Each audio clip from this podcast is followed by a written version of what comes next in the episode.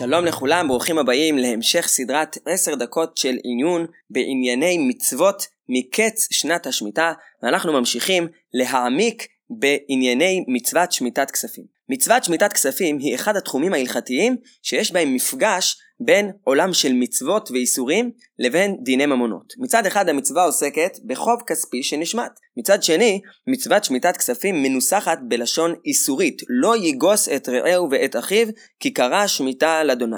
יש איסור לתבוע ומצווה לשמט את החוב. ממילא עולה השאלה מה המוקד של המצווה, מהיכן היא מתחילה. האם השמיטה היא בעיקרה איסור על פעולת הנגיסה, על התביעה של החוב, או שהעיקר במצווה הוא שינוי המעמד המשפטי של הלווה שעד עכשיו היה חייב כסף למלווה. מי שענה על השאלה הזו בצורה ברורה וקיצונית הוא רבי אליעזר ממיץ בספרו יראים. לשיטתו, כל הדין של שמיטת כספים הוא איסורי בלבד, וכל עוד המלווה לא משמט בפועל את החוב על ידי כך שיאמר משמט אני, החוב קיים. מבחינה משפטית הלווה מצידו מחויב לשלם אותו למלווה. אבל השיטה המקובלת יותר בראשונים ובהלכה היא שההלוואה פוקעת במועד השמיטה גם אם המלווה לא עשה פעולה חיובית של השמטה. עיקר החקירה שלנו היא בשיטה הזו. מה מוביל למה? אולי ההבנה הפשוטה יותר היא שבגלל שהחוב נשמט, ממילא אין אפשרות לתבוע את החוב אחרי שהתורה הפקיעה אותו, ולכן קבעה התורה איסור נגיסה. אבל יש גם אפשרות הפוכה. התורה אסרה את פעולת הנגיסה, וכתוצאה מכך החוב פוקע כיוון שמדובר על חוב שאין אפשרות הלכתית לגבות אותו. לדעת רב אברהם ארלנגר זצ"ל שנפטר השנה בעל הברכת אברהם, ייתכן שבשאלה הזאת תלוי ספק של הגמרא בתחילת מסכת מכות. הגמרא מסתפקת מה הדין בחוב שזמן הפירעון שלו מגיע רק אחרי תחילת השנה השמינית, כך שבמועד השמיטה בכל מקרה לא הייתה אפשרות לגבות אותו.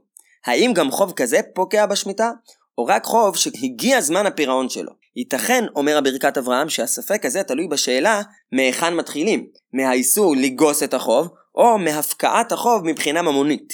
איסור לגוס יכול לחול רק על חוב שאילולא האיסור הייתה אפשרות לתבוע אותו. אבל במקרה שזמן הפירעון עוד לא הגיע, לא שייך לדבר על איסור נגיסה. לעומת זאת, אם שמיטת כספים מתחילה מהפקעה ממונית של החוב, יש מקום להפקיע גם חובות שזמן הפירעון שלהם עוד לא הגיע. הראשונים נחלקו בשאלה מהו פסק ההלכה במקרה הזה, האם שביעית משמטת גם חוב שעדיין לא הגיע זמן הפירעון שלו. הראש מביא בעניין הזה שיטות שונות, ולמסקנה הוא כותב שכיוון ששביעית בזמן הזה שהיובל לא נוהג היא מדרבנן, מקלים, שהרי ספק דרבנן לכולה. זאת אומרת, המלווה לא יצטרך לשמט את החוב מספק. על הנימוק הזה של הראש שואל הבית יוסף בסימן ס"ז בחושן משפט, הרי בספק של דיני ממונות הכלל הוא המוציא מחברו עליו הראייה, ואמורים להקל לטובת הנתבע שהוא הלווה ולקבוע שהחוב נשמט ושהוא לא צריך לשלם. ובאמת, כך הוא מביא שפסק רבנו ירוחם ולדעת הבית יוסף מהטעם הזה שהמוציא מחברו עליו הראייה.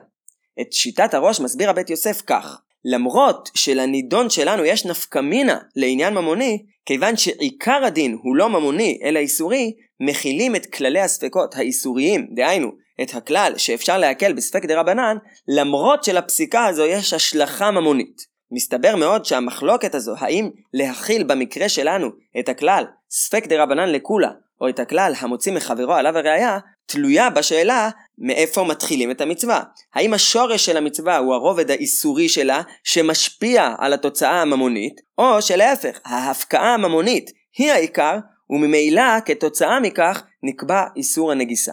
החקירה הזו יכולה להיות הבסיס למחלוקת ראשונים נוספת שנוגעת לפרוסבול. הראשונים נחלקו האם תקנת פרוסבול, שעוד נעסוק בה בפרק הבא בעזרת השם, שייכת דווקא בזמן הזה ששמיטת כספים דה רבנן, ולכן היו יכולים חכמים לתקן תקנה שבפועל עוקרת את מצוות השמיטה, או שתקנת הפרוסבול שייכת גם בזמן ששמיטת כספים חלה מן התורה. בשאלה הזו נחלקו הרמב"ם, שסובר שפרוסבול מועיל דווקא בזמן הזה, והרעב"ד בהשגותיו על הרמב"ם. והשאלה הזו קשורה גם למחלוקת בהבנת פשט הגמרא במסכת גיטין בדף ל"ו שנחלקו בה רש"י ותוספות. הראשונים שהבינו שפרוסבול שייך גם בזמן ששמיטת כספים מן התורה, הסבירו שתקנת חז"ל מבוססת על הכלל שהפקר בית דין הפקר.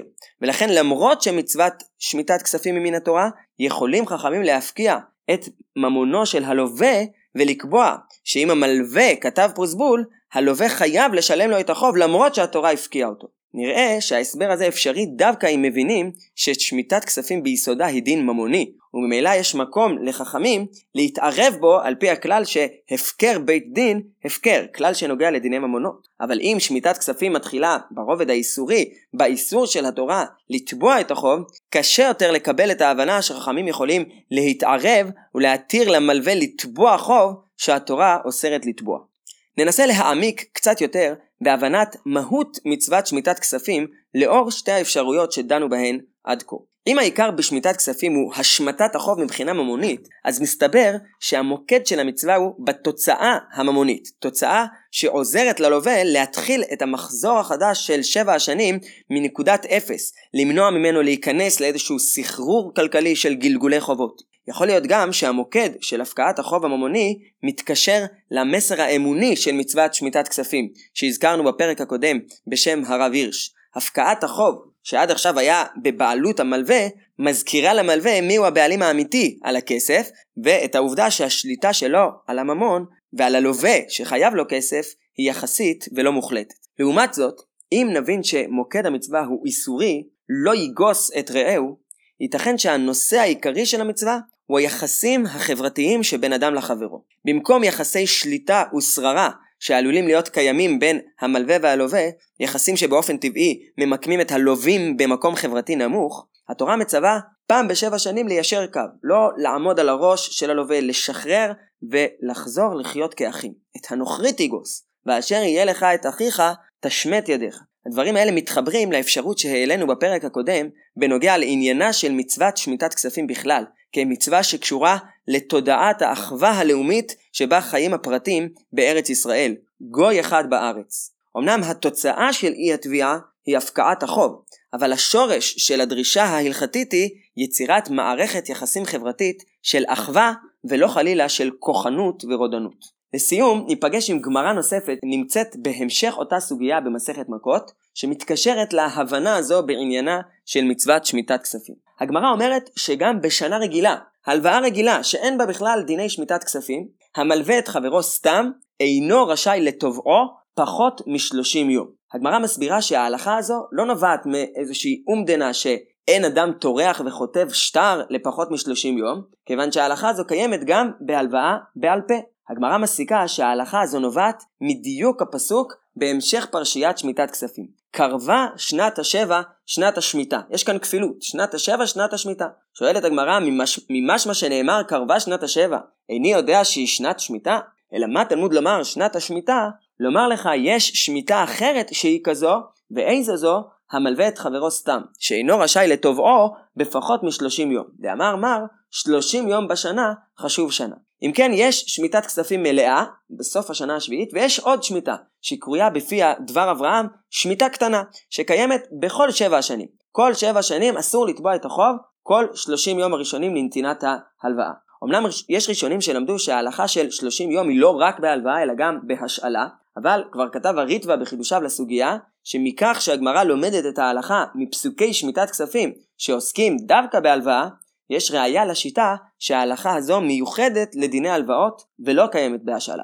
רבי יצחק זאב סולובייצ'יק, הגריז בספרו על, על הרמב"ם, מדייק גם מהרמב"ם בהלכות מלווה ולווה, שההלכה הזו לא קשורה לאומדנה מציאותית על טיב ההסכם הסתמי שבין המלווה והלווה, אלא היא דין מחודש בלשונו שנלמד מהפסוק. הגריז מדייק שהרמב"ם כותב שסתם הלוואה 30 יום, אבל אם התנה שיתבע בכל זמן שירצה, יש לו לתובעו ביומו, אפילו ביום ההלוואה, שתנאי ממון הוא. כדי לאפשר למלווה להתנות מראש את נתינת ההלוואה בכך שיוכל לתבוע לפני 30 יום, הרמב"ם נזקק לכלל של המתנה על מה שכתוב בתורה בדבר שבממון תנאו קיים. אם היה מדובר על אומדנה בלבד, אומר הגריז, לא היה צורך בדין מתנה על מה שכתוב בתורה, ועל כורכך שהדין של 30 יום אכן כתוב בתורה, אלא שמותר להתנות עליו כיוון שהוא קשור להסכם ממוני בין המלווה ללווה. מה אם כן ההיגיון בדין הזה? למה שהתורה תקבע שבאופן עקרוני סתם הלוואה היא ל-30 יום? ומה הקשר בין ההלכה הזו, שמיטה קטנה, למצוות שמיטת כספים? נראה שהרעיון של התורה הוא שכאשר אדם מקבל הלוואה, חשוב לתת לו זמן מחיה מסוים, שבו לא יושבים לו על הראש, נותנים לו את ההרגשה שהוא יכול להשתמש בכסף, לנסות לעמוד על הרגליים עם העזרה שהוא קיבל, ולא להציק לו עם תזכורת יומיומית על קיומו של החוב ובעיקר על העובדה שהוא בעל חוב. החוב אמנם לא נשמט, אבל ההלכה הזו נחשבת לשמיטה קטנה, כיוון שגם בשמיטת כספים, התוצאה של שמיטת החוב היא לא כל הסיפור. התורה דואגת שבכל הלוואה ללווה תינתן הזדמנות אמיתית להפיק מההלוואה את המיטב, וגם דואגת לשמירת כבודו ועצמאותו של הלווה וליצירת מערכת יחסים טובה ותקינה בין המלווה ללווה. כי אנשים אחים אנחנו.